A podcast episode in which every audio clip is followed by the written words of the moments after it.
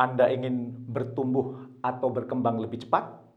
Salah satunya gunakan feedback. Maksudnya apa? Anda cari feedback, cari masukan, cari saran dari orang yang ahli di bidang yang Anda tekuni. Karena apa?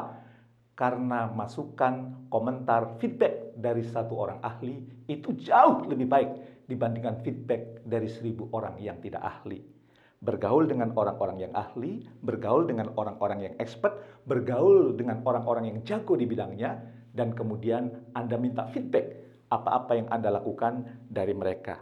Dari situ nanti Anda tahu mana yang perlu dihilangkan, mana yang perlu dikurangi, mana yang perlu ditingkatkan, dan mana yang perlu diciptakan.